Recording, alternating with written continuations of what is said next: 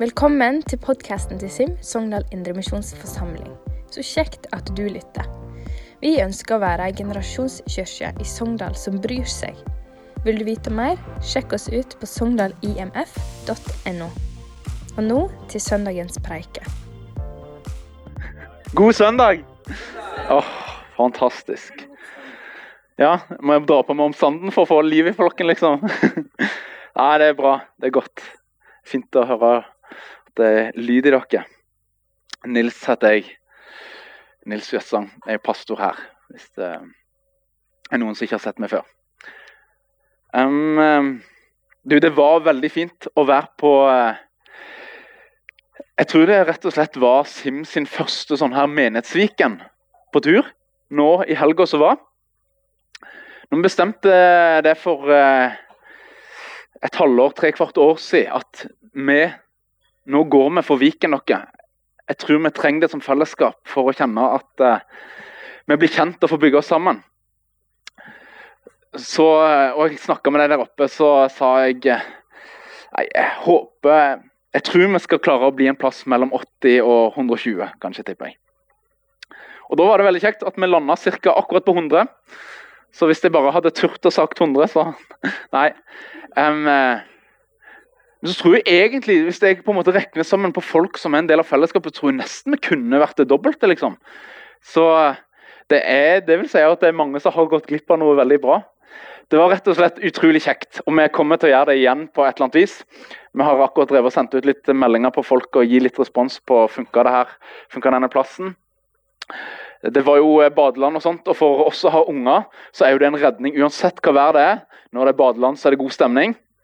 Og eh, opplevelsen av å være fellesskap eh, det er ikke det samme her inne som i badeland. For i badeland der kjenner du at du er avhengig av hverandre, iallfall når du er en voksen på tre unger eller sånne ting. Sånn, så når Adrian vinker nede der og sier 'jeg har Oskar', sånn så puster jeg eh, Eller Irene puster rolig. eller, eh, eller når noen trenger å dra opp litt show, eh, om plutselig ser Andreas tar dobbeltsalto, liksom. Uh, utenfor å tenke at oh, det er godt at noen pusher disse ungene. Så er det veldig bra. Det er godt å være fellesskap da. Um, og Utrolig kjekt å ha Ørjan og Lena med oss, som òg uh, har bodd her oppe for lenge siden. og var med og snakka om hvordan Gud er levende, hvordan han er her. Uh, hvordan han har uh, flytta inn i oss med sin ånd. og Jesus' liv bor i oss og virker mellom oss. og og hvordan det gir seg utslag i fellesskapet. Veldig kjekt å få tid til å sitte og bare ete sammen. Hvis du har gått gjennom evangeliet og ser liksom hva det står om, så står det egentlig ganske mye om at Jesus eter med folk, og gode ting som skjer der. Altså det gode ting, var, jeg tror det var masse gode ting som skjedde der oppe, men jeg hadde knapt begynt på første måltid, for iallfall to stettglass var knust der oppe. Så, så, det var ikke bare gode ting som skjedde der oppe, da. Men uh, det det var det kanskje andre som måtte betale for. Jeg snakka sist om å dekke over hverandres synder, og det var kanskje Hermon som måtte dekke over noen glass der, iallfall. Um, men utrolig kjekt å få være på Viken i lag. Så når, eh, når, vi begynner å snakke om at dette gjør vi igjen da, så sett av helga og tenk at det her har jeg lyst til å bli med på. For det er Vi har lyst til å være en storfamilie som henger sammen. Og da, da er det noe annet å få leve i lag et par døgn sånn. Jeg sjøl hadde kanskje høydepunktet mitt uh, ute på lørdagskvelden med de som var fra tredje klasse opp, ute i skogen. Det var skumring. Og vi hadde eh, en sånn her gapahug langt ute i skogen der det ikke gikk an å kjøre til, eller sånt, der vi kunne fyre bål. Og så la vi opp til bibelsmugling. Der de skulle få ta sånne ark. Litt sånn så Capture the Flag-oppleggene. Der skulle få ta noen ark også De fikk ikke lykte, det skulle bare de voksne ha. Så skulle de snike seg gjennom skogen forbi de voksne mens vi voksne gikk rundt med lupa. Eh, nei, med lykt og leite etter det, så skulle de snike seg forbi og så komme fram til Adrian. da, Så satt vi leirbål og skulle ta imot disse biblene. da. Og eh, Det var akkurat mørkt nok til at det var litt skummelt, og vi tenkte håper ingen går på en pinne i øyet, eller sånt, men det gikk bra. Um, og du hadde liksom og når jeg kom ned i møtesalen etterpå, for det var ganske sent, det var et voksne møte, og plutselig en av ungene som Springer inn, og det er stjerner i øynene. Vi gikk rett forbi de, de voksne. Vi lå rett ved siden av. De så oss ikke, og vi var der. Og du bare merka hvor gøy han hadde hatt det. Og vi òg hadde hatt det kjempegøy. Sånne ting. Det er ikke så lett å skape her på disse simgudstjenestene på leir. Så kan mange sånne, sånne ting skje. Kanskje det kan skje på Ving. Så eh, bli med på Ving. Der kan sånne ting òg skje. OK, nå var det litt eh, mye på side her. Um, vi skal preike her. Og jeg har kalt overskrifter på en liten serie som egentlig begynner på nå, så egentlig jeg ser nå i etterkant at det egentlig var en god fortsettelse for norske, nei, den forrige serien vi kalte for Nåderytme. Men vi har kalt serien for 'Jesus trengte'. Og for deg som eh, kjenner at det rykker i den blasfemiske muskelen at Er det sant? Trengte Jesus? Så slapp av, vi kommer tilbake til det. Men vi har kalt det 'Jesus trengte'. Um, jeg tror jeg ber en bønn, jeg, og så begynner jeg å snakke om uh, uh, Ja, ta det videre derfra. Og sier takk, Jesus, for fellesskapet. Takk uh, for ditt ord som du har gitt oss. Takk at det er liv for oss, at det skaper det det sier. Og takk at du er her med din ånd. Jeg ber om at du taler til oss nå. Gjennom ordet ditt, gjennom det jeg sier, eller gjennom tanker eller bilder eller ting du måtte gi til den enkelte her. Vi ber om å få være åpen for det du vil tale til oss nå, Jesus. Amen.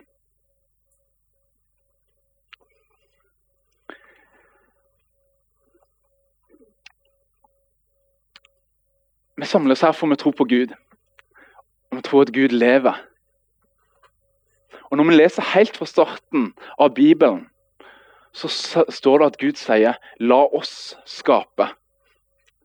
Og Det syns jeg er fascinerende. For det, det sier at Gud han har alltid vært fellesskap.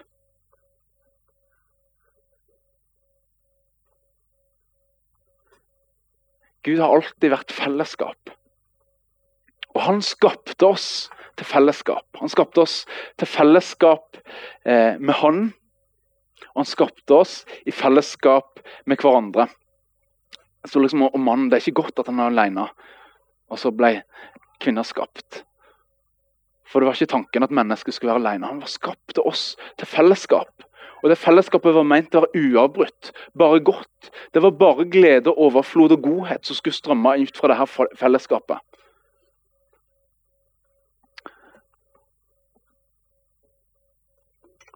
Og så vet vi at uh, Erfaringen vår er at det er ikke sånn fellesskap er. Noe galt skjedde på veien. Noe har gjort som at fellesskap kan være fantastisk godt. Jeg snakka litt om det her sist jeg preika for de som var her da. Men fellesskapet kan òg være utrolig vondt. Det er ofte der de vondeste tingene vi opplever, skjer. Fordi at det skjer noe i et fellesskap. Gjerne i et nært fellesskap, vennskap, relasjon. Og så er det ting som ødelegges. Og så er det ting, spenninger som oppstår, og så er uforsonlighet. Og så er det så mye vondt og vanskelig at det bare blir veldig tøft. Men så tror jeg kanskje òg det der og evangeliet er sterkest. Sånn for Gud ga ikke mennesket opp når mennesket rota det til. Men han kom til oss og Det Bibelen snakker om som ødelegger fellesskapet, er jo det fellesordet som handler om synd. Som handler om vi bommer på det vi var meint å være. Eh, og leve ut overfor Gud, men også overfor hverandre. Men istedenfor å gi oss opp, så kommer Jesus og lever et perfekt liv. Han viser oss hvem Gud er i, i sin eh, godhet, i sin kjærlighet, i sin trofasthet, i sin fasthet. Og så dør han for våre synder og for verdens synder. Og så står han opp igjen, og så sender han sin ånd. Og så sier han, hver den som tror på meg kan få ta imot meg, og for hver den som tror på meg, så skal det få være et nytt liv Så strømmer fram fra innsida. En ny kjærlighet som strømmer fram fra innsida.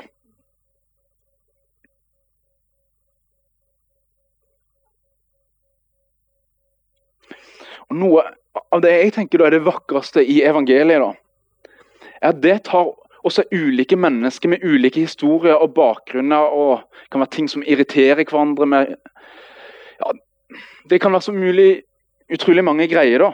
Men at det, det, evangeliet binder oss sammen i en ekte og inderlig kjærlighet som kommer innenfra. Fordi det står om at Guds kjærlighet er utøst i vår hjerte ved Den hellige ånd. Så det betyr at når, når vi tror på Jesus, så flytter Den hellige ånd inni oss. Og så er det en ny kjærlighet, en Guds kjærlighet, mye sterkere enn oss sjøl, som kommer fra innsida, og som gjør at feilbarlige mennesker, eh, mennesker som har brokete historier, alt mulig, kan få være et fellesskap og elske hverandre over tid og merke at det er en Guds kjærlighet som binder sammen. Og så er det krevende, og det snakker jeg om sist. Eh, men det er noe av det fantastiske som evangeliet er.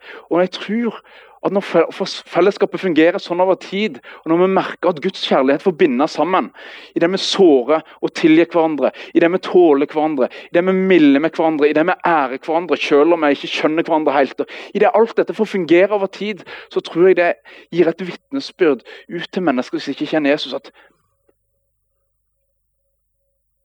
Jeg vet ikke hva det er, men det, det virker godt, det her. Hvis Gud er sånn, så tror jeg Gud kan være god, han òg. Jeg, jeg, jeg, tror det kan sende mange signaler, da.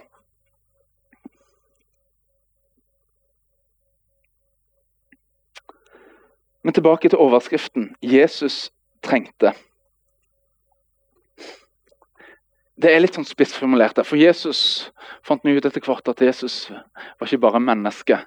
Eh, han var 100% menneske og var 100% Gud. Og Gud trenger oss ikke, men allikevel velger han å bruke oss. da. Og litt sånn Jesus, trengte han virkelig noe? Treng, trenger Gud oss egentlig? Nei, Han klarer seg fint sjøl, men han velger å gjøre seg avhengig av oss. Han velger å involvere seg. Og På samme måte når Jesus kom, når Gud sendte Jesus til verden, så valgte han å gjøre seg avhengig av mennesket. Kanskje aller tydeligst så ser du det gjennom at han lot seg føde som en sårbar baby i en familie der han ikke var eh, riktig gift holdt jeg på si, før, før han skjønte at han var gravid. Men han ble født inn i en familie som baby. Sånn Han kan bare tenke deg hvor stort omsorgsbehov Jesus hadde over lang tid. Jesus han trengte familie. Og Hvis en tenker litt lenger fram, så var ikke Jesus bare en del av familien. Han var også del av et lokalsamfunn. med folk som ikke så mye innblikk i hvordan Jesus' sin oppvekst var. Men vi får ett innblikk når han var ca. tolv år. Og når de var en gjeng fra eh, landsbyen eller plassen han bodde, eh, på en av de store feiringene i Jerusalem. Og Det står at de har gått til feiringen, og de drar tilbake. Og liksom På den tredje dagen på vei tilbake så innser de at Jesus er ikke her. På den tredje dagen når de er tilbake, innser de at Jesus er ikke her. Altså, Hvis vi drar på tur, hvor lang tid hadde det gått før jeg hadde skjønt at Oskar ikke satt i bilen tilbake fra Hermon, liksom?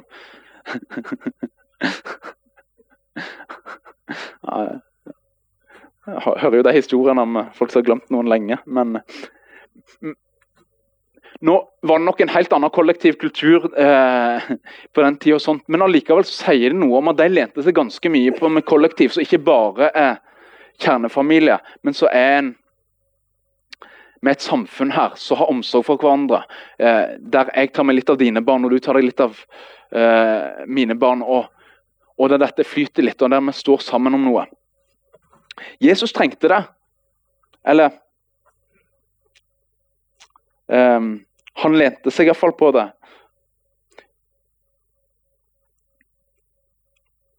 Og så ser vi På slutten av den passasjen så står det liksom, før en havner over til at Jesus er rundt 30-årene og skal inn i tjenesten sin, så står det at Jesus gikk fram i alder og visdom. Han var til glede for Gud og mennesket. I dette miljøet med sin familie, sin lokalsamfunn, så vokste han og modnast og ble det mennesket eh, han etter kort ble, og der han skjønte at han var mer enn bare et menneske. Han var til glede for Gud og mennesket. Men Jesus, når han også gikk inn i sin tjeneste, så hadde han etter hvert han hadde mennesker som sto han nær. Han var liksom ikke en sånn superhelt som aldri slapp noen særlig innpå seg. Selv om han hadde et personlig liv så han kanskje ikke delte med alle rundt. og sånt. Så syns jeg jo det er fascinerende å se um,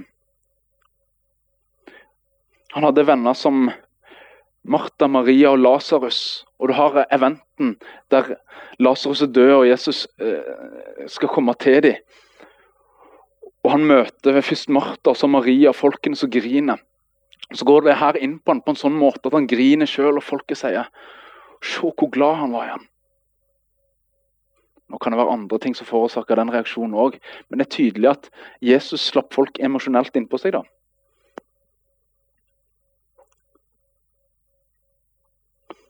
Han var òg nær disiplene.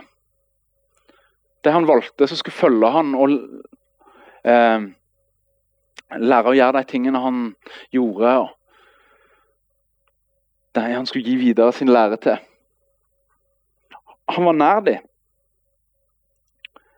Det handla sikkert både om at det var et oppdrag som han var opptatt av at de skulle ta videre.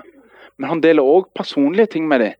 Bare sånn så Kanskje på, på det siste da, i Getsemane, når han kjemper eh, sin livskamp og er i bønn som han setter som blod, og så sier han 'våg med meg'.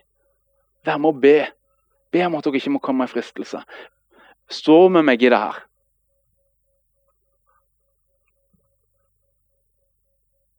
Det forteller iallfall meg at det var ikke sånn at eh, alle personlige behov de gjemte han for seg sjøl, og så var han bare sterk med disiplene.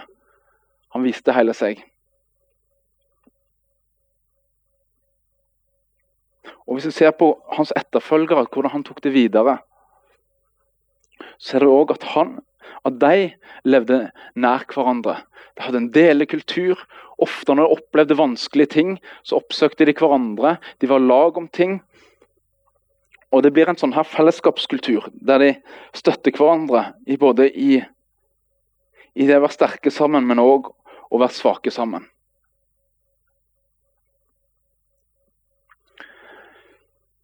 Og Når vi snakker om Jesus trengte, så kan vi zoome inn på forskjellige ting. Men det jeg har lyst til å snakke videre om i dag, er at Jesus trengte fellesskapet. Jesus trengte nære relasjoner. Og Det kristne fellesskapet er òg meint å være en plass der nære relasjoner oppstår og fordypes. Det er ment å være en plass der vi står et slags ansvars- og avhengighetsforhold til hverandre, faktisk. Og det er krevende. Fordi at jeg tror særlig i Vesten så liker vi uavhengighet. Vi liker å ha muligheten til å trekke oss unna hvis det passer oss best. Og ha den friheten. Og vi liker best å være sterke når vi er i lag.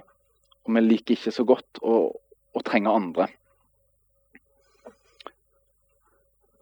Men når til og med Jesus, som er Gud, modellerer et liv hvor han levde nær andre og involverte andre på en måte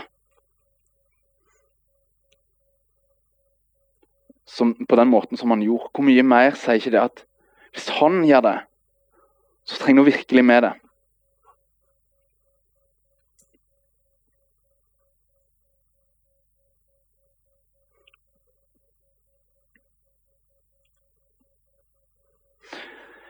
Det jeg tror som gjør at det kristne det her mest krevende med at det kristne fellesskapet òg er en plass for nære relasjoner, er at det fort er en møteplass mellom dype behov og lengsler.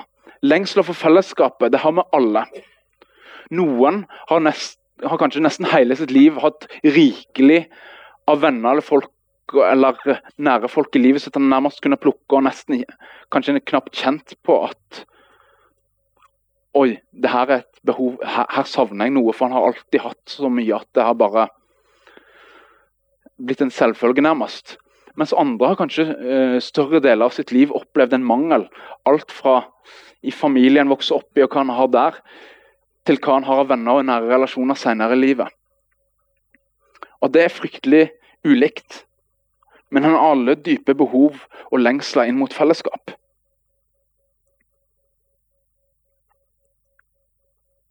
Det er sårbart å være åpen med det. Og det er lett å bare si at 'nei, jeg klarer meg fint', og trekke seg litt. Det som gjør det ekstra vanskelig, er at i det kristne fellesskapet, egentlig hva som helst fellesskap, er at en møteplass mellom brutte, syndige mennesker.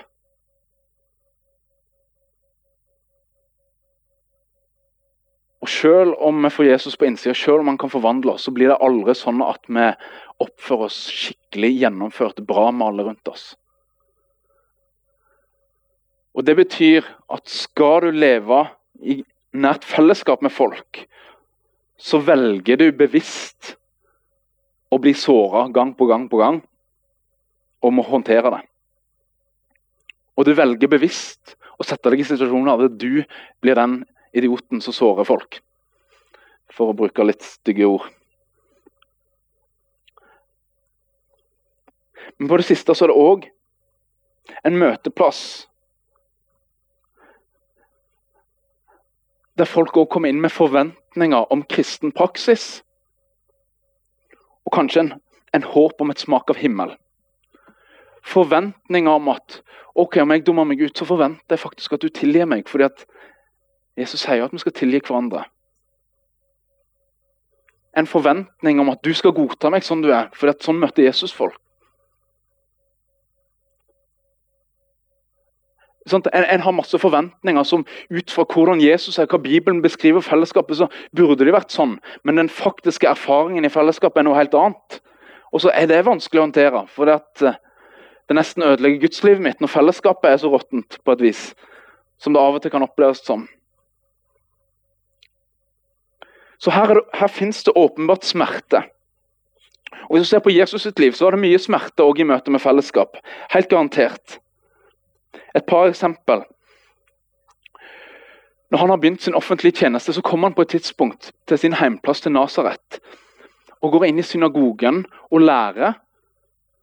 Eh, og når han på en måte stiller seg fram eh, som mer enn bare hva som helst annet skriftlærd, så begynner de å spørre Hæ? Er ikke dette Josefs sønn? Altså, Vi har jo sønnene her. Døtrene hans lever i området. Hvem i huleste tror han at han er? Og så livler de opp folkemengden til å ikke på en måte si OK, dette er vanskelig å forstå Jesus, men vi er litt rausere, og så lytter vi mer. Men de har lyst til å virkelig ta han det, altså det, det, samfunnet der han kunne være vekke fra foreldrene i tre dager uten at de opplevde det, det gikk imot han og hans kall. Det må være ganske tøft, egentlig. Menneskelig sett, iallfall. Senere punkt eh, i tjenesten hans, når han snakker litt, eh, litt konkret om at Folk må ete hans kropp og drikke hans blod. og Folk syns dette høres rart ut og skjønner ikke hva det betyr. og sier dette er harde ord, Jesus. Hvem kan høre på det her? Det står i Johannes evangeliet. Og de begynner å gå ifra ham. Så vender Jesus seg til de nærmeste tolv disiplene. Vil dere òg gå fra meg? Og så er det jo Peter da, som får en av disse her lyse øyeblikkene. Sier, Nei, du er den som har det levende ord. Altså, Hvem skal vi gå til? Du er den som han levende Guds ord.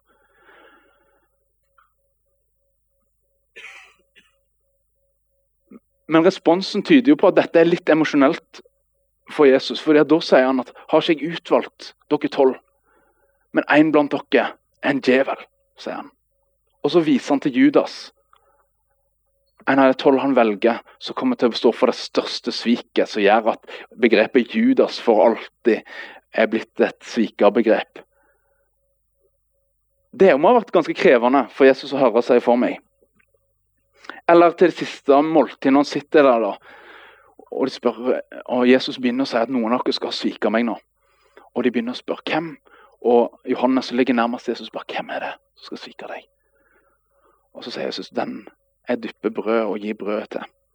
Og så gir han brød til Judas og sier gå og gjør det du skal gjøre. og det står at Judas går ut, og det er natt. En av de nærmeste Jesus har delt liv med tett i tre år. Nå. Nå manifesteres sviket som har vokst fram i hjertet en stund. Det må ha vært mye smerte. Men for å ikke grave oss ned i smerten, så har jeg lyst til at det er noen av de fineste øyeblikkene du finner i nære relasjoner. Jeg nevnte så vidt historien med Lasarus. Men Jesu møte med Maria der eh, For Lasarus er død. Og Jesus har venta noen dager med å komme dit og har planer om å vekke han opp igjen fra de døde. Det er jo så artig. Du leser Bibelen, og så står du det som om det er en selvfølge, og så tenker du i alle dager. Tenk at det er mulig.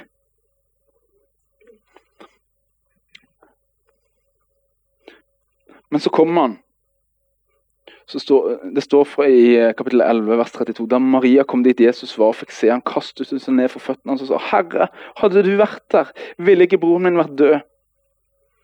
Da Jesus så at både hun og alle jødene som fulgte henne, gråt, ble han opprørt og rystet i sin innerste. Han sa, 'Hvor har dere lagt ham?' 'Herre, kom og se', sa det. Jesus gråt. Se hvor glad han var i han. Og han gikk til graven. Og så står det videre Ta bort steinen. Så takker han far fordi han har hørt han, og så roper han 'Lasarus, kom ut'. Og så kommer han ut. Vennen til Jesus, som de rundt han så at han var tydeligvis veldig glad i han, kaller ut og sier 'stå opp igjen'. Og så får han erfare himmelrikets krefter.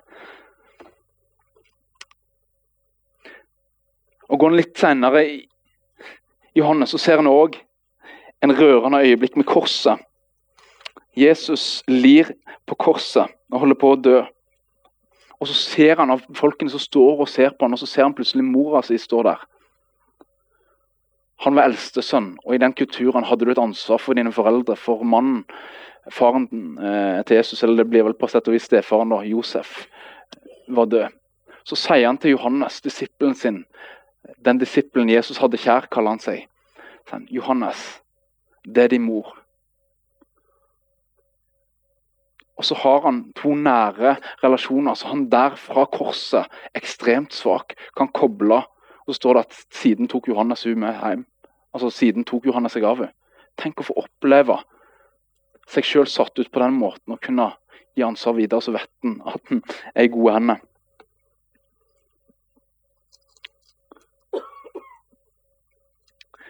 Videre når Jesus døde, så skjer det òg noe spesielt. Det er to litt høytstående menn. En som heter Josef, som egentlig ikke har turt å vise at han tror på Jesus eller noe. Spør kan jeg få lov til å ta han ned og legge han i min egen grav. Og Nikodemus, en rådsherre som heller ikke har vist at han tror på Jesus. Plutselig er det de som kommer og tar seg av Jesus sin døde kropp, når han virkelig ikke kunne gjøre noe mer. Og så har han folk rundt som bryr seg. Og til slutt, siste øyeblikket har lyst til å løfte opp, det mennesket rundt Jesus. Eh, er der det får noen fine øyeblikk. Det er når Peter så svikter Jesus og fornekter han. Så møter han om morgenen etter de har bare dratt ut for fiske for å gjøre på et eller annet fordi at de er forvirra. Og så møter de Jesus på stranda om morgenen som roper 'Får dere fisk?' 'Nei, ingenting.' Kast ut på andre sida, og så får de masse fisk, og så skjønner de plutselig at dette er han Jesus. Og Peter så springer inn og vet han har svikta, og Jesus tar hans side. 'Elsker du meg?' Jeg får ordna opp, og det er vondt, men det er godt. Og den hele relasjonen som sprakk litt på slutten der pga. sviket, får leges igjen, og en ny start. Det er utrolig mye fint i relasjoner.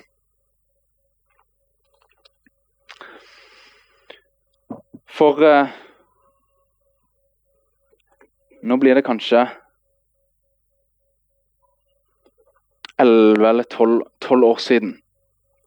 Så flytta jeg til Os rett sør for Bergen.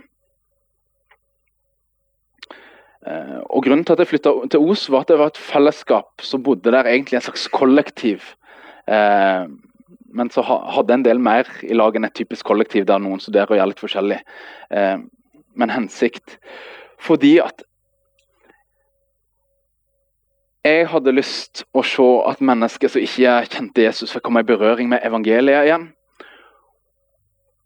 Og jeg hadde en tanke om at en av de beste plassene å erfare og se evangeliet, det er i fellesskapet. En tanke om kan jeg leve i lag med noen folk der vi søker Gud i lag og eh, lever som kristne i lag, og der vi bryr oss om noen som ennå ikke kjenner Jesus i lag, så tror jeg at det fellesskapet, et sånn type kollektiv, er en god plass å få litt erfaring av hvem Gud er, og hva evangeliet er for noe. Og Jeg opplevde at Gud leda meg opp dit. Det var òg der jeg traff Irene. Så, men eh, det var, det var ikke det jeg tenkte eller visste før jeg kom dit. Så, men eh, av og til er det flere gode ting som kommer på rad. Men eh, et ønske var at mennesker skulle få erfare evangeliet i vårt hverdagsfellesskap. Og Der ga vi oss litt til hverandre for en felles hensikt. Og vi var, gikk kanskje et par steg lenger enn det eh, folk vanligvis gjør. Fordi at vi ble enige om en rytme å leve sammen. Vi ba i lag hver morgen. Vi var enige om å En dag i uka var vi ute på busstasjonen, traff ungdommer, delte ut kakao og snakka med folk. Vi drev og starta et kristent fellesskap eh, blant ungdommer og unge voksne i eh, miljøet der. Vi bestemte oss for å ete i lag og ha måltid i lag og invitere folk inn til å ta del i det. Vi bestemte oss for at vi ville dele økonomien vår um, som hadde en felleskonto. Åtte stykk. Fordi at vi ikke ville være så fryktelig individualistiske som lett er, men vi ville prøve å dele og kjenne på styrken i å være vi. Jeg sier ikke at alle skal gjøre det nå, altså. Bare, men eh, Slapp av. Men vi levde ganske tett på hverandre. og det, det, Da kunne vi ganske fort kjenne på litt sånn her, at det ikke bare er enkelt å være sammen. For i det du har felles økonomi, og i det du ikke har veldig mye inntekt og kanskje må spare litt, og sånt, så er det ikke kjempegøy når noen plutselig bare går og kjøper en cola her og der. Og, sånt, mens du tenker at her må vi spare det vi kan. Ikke sant? Da går det, da går det an å la seg irritere av sånt. Eller eh, i det du er et vi og bor sammen så så er det plutselig noen vaner sånne ting som vanligvis når en er litt på avstand på hverandre, ikke merker, men så begynner å bli irriterende. Og Det skal være, det skal ikke være mye dårlig stemning mellom noen stykker inni der før det begynner å bli ganske giftig rundt bordet. Og, og så videre. Sånn vi visste hvem som kunne være morgengretten, og vi visste litt hva som kunne være sånt. Sånn, så vi fikk trent hverandre i å tåle hverandre en del, da. Men så fikk vi òg alt det fine med det som vi fort glemmer eh, når vi ikke prioriterer et vi. Og det, det var noen blant oss som var, hadde en ordentlig driv på å stå opp og søke Gud om morgenen. Det er fantastisk, det. Men for noen av oss andre så ga det oss motivasjon. Ja, kanskje vi skal ta gjøre det, da. Og så ble det en kjempegod driv. Noen av oss var liksom ikke så gode til å alltid holde drøsen i gang med folk, men andre var det. Noen var ikke så gode på å invitere inn folk, men syntes det var kjekt når folk visst var der. Og Da var det gull med de som var sånne innkastere som stadig inviterte noen nye på middag. Og så fikk en lov til å sitte eh, og koble i fellesskapet. Og så var det så mye av sånne dynamikker en òg fikk se når vi var et vi sammen. Vi var plutselig sterke på mange flere måter enn bare en enkelt person eller to i lag. Og Det undervurderer vi ofte når vi tenker så individuelt om hva vi kan og ikke kan.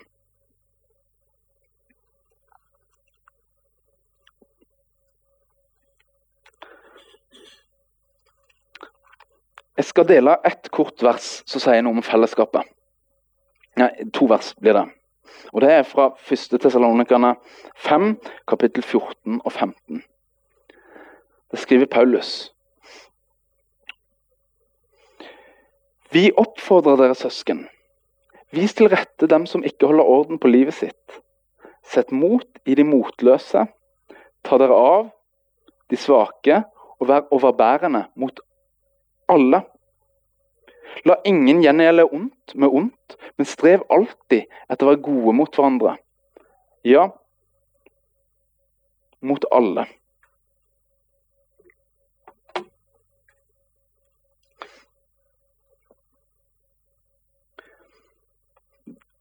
De enkle versene her oppleves sier egentlig kort og godt Vær svake og sterke sammen. Hvis noen som roter til livet sitt på et eller annet vis Vi vet jo at det kan skje.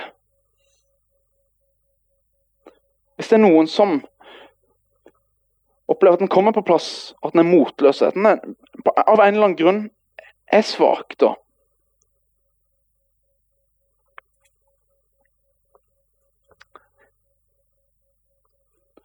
Skal han kunne være noe for folk som er der, så, så må han være tett nok på til å merke at nå er livet sånt. Og så må det synliggjøres på en sånn måte at noen andre kan komme og Ja, men jeg, jeg ser det gått litt sånn i, i, ball her nå. Kanskje jeg får være med og se og hjelpe at det her kommer litt sånn her At ting kommer litt i gang igjen. Ikke litt sånn for min høye hest, la meg hjelpe lille deg, liksom. Men vi vet jo at livet kan ramme oss alle. Kanskje jeg får være med og støtte det litt her. Sånn vi kan bli litt nedfor alle. Det å oppleve at noen kommer og taler mot dem og snakker tro inn i livet vårt, inn i hva vi holder på med, inn i hva vi er. Det er så utrolig godt. Så la ingen gjengjelde ondt med ondt. Hva skal du gjengjelde hvis du ikke skal gjengjelde med ondt? Bitte litt godt? Godt eller veldig godt, eller? Ikke ondt, iallfall. Men strev alltid etter å være gode mot hverandre. Ja, mot alle.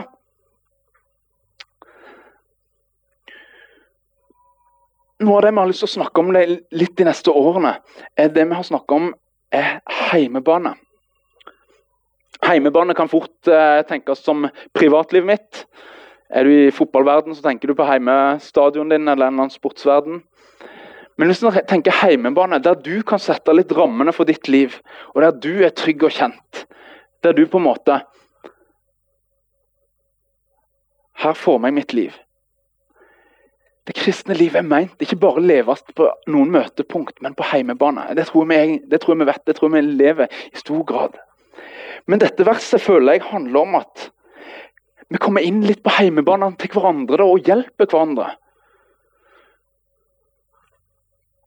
Vi kommer inn når ting er vanskelig, og, vi, og så elsker vi når, når noen er sterke og ting går bra. Og så er vi både svake og sterke sammen.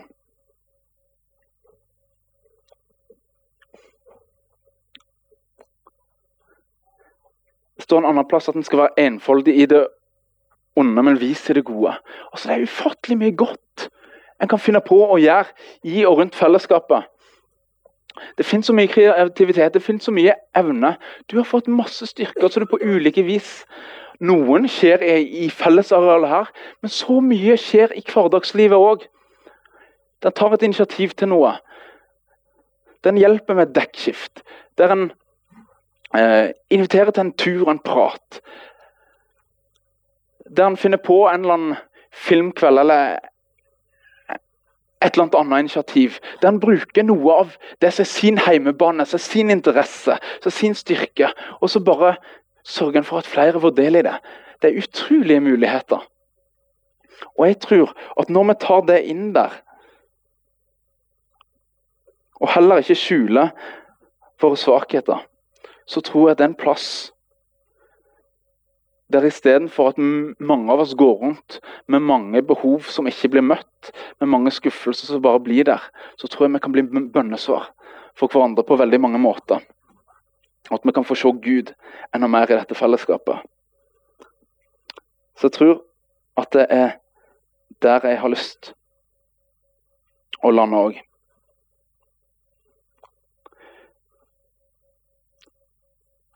Hvor er Jan Ingar hen? Der. Skal dere komme Ja, hvis dere setter opp, så leser jeg siste vers i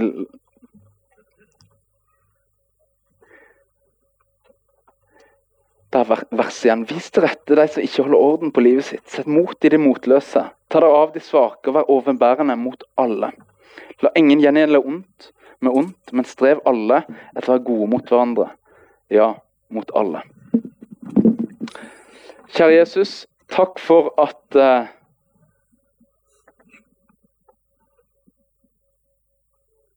Du er nok for oss. Og Takk for at du modellerte et liv der du ikke gjorde deg totalt uavhengig av andre, men der du levde sammen med folk. Takk at du òg lær, lærte oss det å leve i lag. Takk for at din kjærlighet er utøst i våre hjerte ved Din Hellige Ånd. Og Jeg ber om at du gjør det på ny og på ny. Og gjør oss så kreative i å gjøre det gode mot hverandre. Hjelp oss å våge til å vise vår svakhet til hverandre, og ikke møte svakhet og skuffelse og mangler med eller en kald skulder eller noe sånt tilbake, men at jeg kan få oppleve at eh, det er det gode som møter oss, sjøl når vi kjennes svake.